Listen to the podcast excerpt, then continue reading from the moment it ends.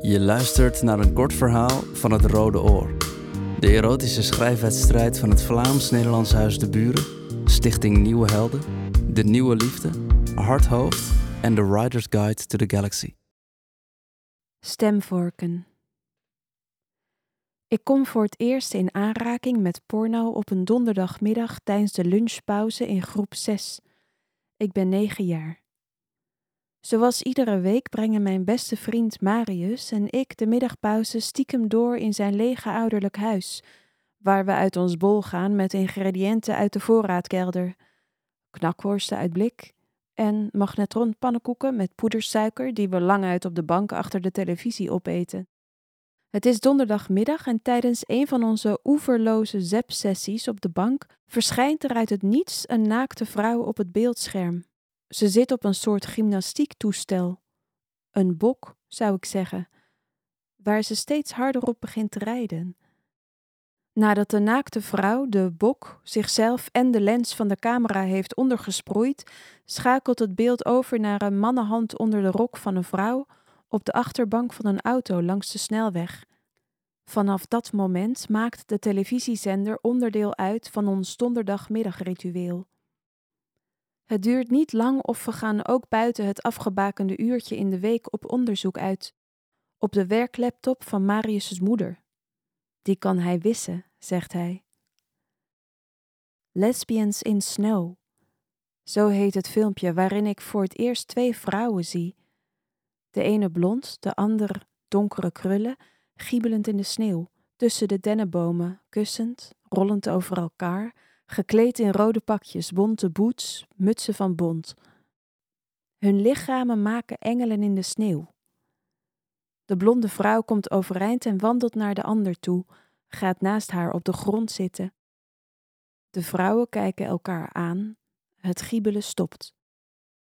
De brunette opent langzaam haar benen terwijl de blondine tegelijkertijd de beide rode rokjes omhoog duwt twee zachte zwarte tapijtjes verschijnen. Ze steken fel af tegen de witte sneeuw. Kruiselings haakt de ene sneeuwkoningin haar benen in die van de ander en zachtjes beginnen ze te rijden. Mijn onderbuik maakt een ritje in de achtbaan naar beneden. Ik hou mijn adem in en zeg tegen Marius dat ik naar huis moet, dat we gaan eten. Thuis ren ik met mijn jas aan de trap op naar de kindercomputer op zolder Beneden televisiegeluiden en mijn vaders gegrinnik om het accent van de weerman. In de keuken het geluid van pannen en mijn moeder die niet van koken houdt. Ik check of de boxen uitstaan en start de computer. Daar zijn ze weer. Dartelend op het scherm. Mijn ijskoninginnen. Ongeduldig spoel ik door naar de scène met de in elkaar gehaakte benen, hun onderlichamen als stemvorken happend naar het bolletje aan elkaars uiteinde. De video eindigt en automatisch speelt er een nieuwe af. En daarna nog een. Stemvorken in alle vormen, maten, toonaarden en tweeklanken. Zachtjes begin ik te neurien. Beneden gaat de televisie uit. Mijn vader staat op, geeuwt. Gauw druk ik alle schermen weg en zet de computer uit, op de verboden manier, door lang op de standby-knop te duwen. Mijn moeder roept dat we gaan eten. Aan tafel voel ik dat mijn wangen gloeien. Ik vraag om de kan water, hoor mijn eigen stem. Die klinkt hoog en dun.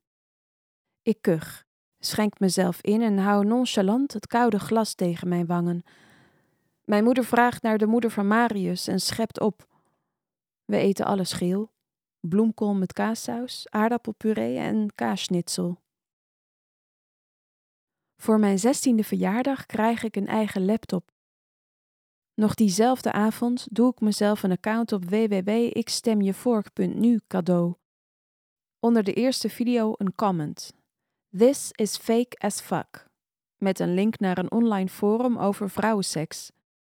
Dat het een porno-dingetje is, dat stemvorken. De legendarische lesbische mythe. En hoe mannen denken dat vrouwen seks hebben. Dagelijks blijf ik googelen hoe hebben vrouwen dan seks, in de hoop ergens te lezen dat dat juist exact is wat vrouwen met elkaar doen, in het echt, uren achter elkaar, zonder gêne, hijgend, zwetend, snakkend naar wat sneeuw om tussendoor in af te koelen.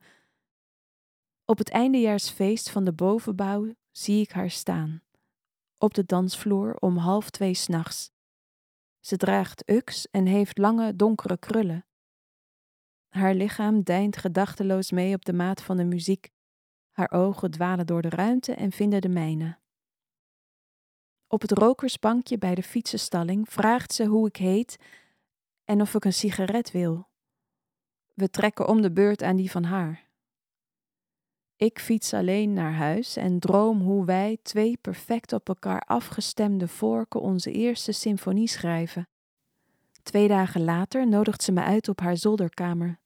Ze is alleen thuis. In haar eenpersoonsbed waag ik onder de dekens een poging. Ogenschijnlijk organisch manoeuvreer ik onze lichamen in een van de posities die ik inmiddels zo goed ken. Zo, zo is nog nooit iemand klaargekomen, zegt ze, wanneer ze doorheeft wat ik probeer. Ik lig bovenop haar als een horizontale stemvork, en terwijl ik van haar afglij, kom ik in stilte klaar. Ik ben Elsa May Averill en dit verhaal is geschreven door Leonore Spee een van de finalisten van het Rode Oor 2022. Je luisterde net naar een kort verhaal van het Rode Oor. De erotische schrijfwedstrijd van het Vlaams-Nederlands Huis de Buren, Stichting Nieuwe Helden, De Nieuwe Liefde, Hardhoofd en The Writer's Guide to the Galaxy. Op deburen.eu slash het Rode Oor vind je meer informatie over het project, over de wedstrijd en kan je alle erotische verhalen van het Rode Oor lezen en beluisteren.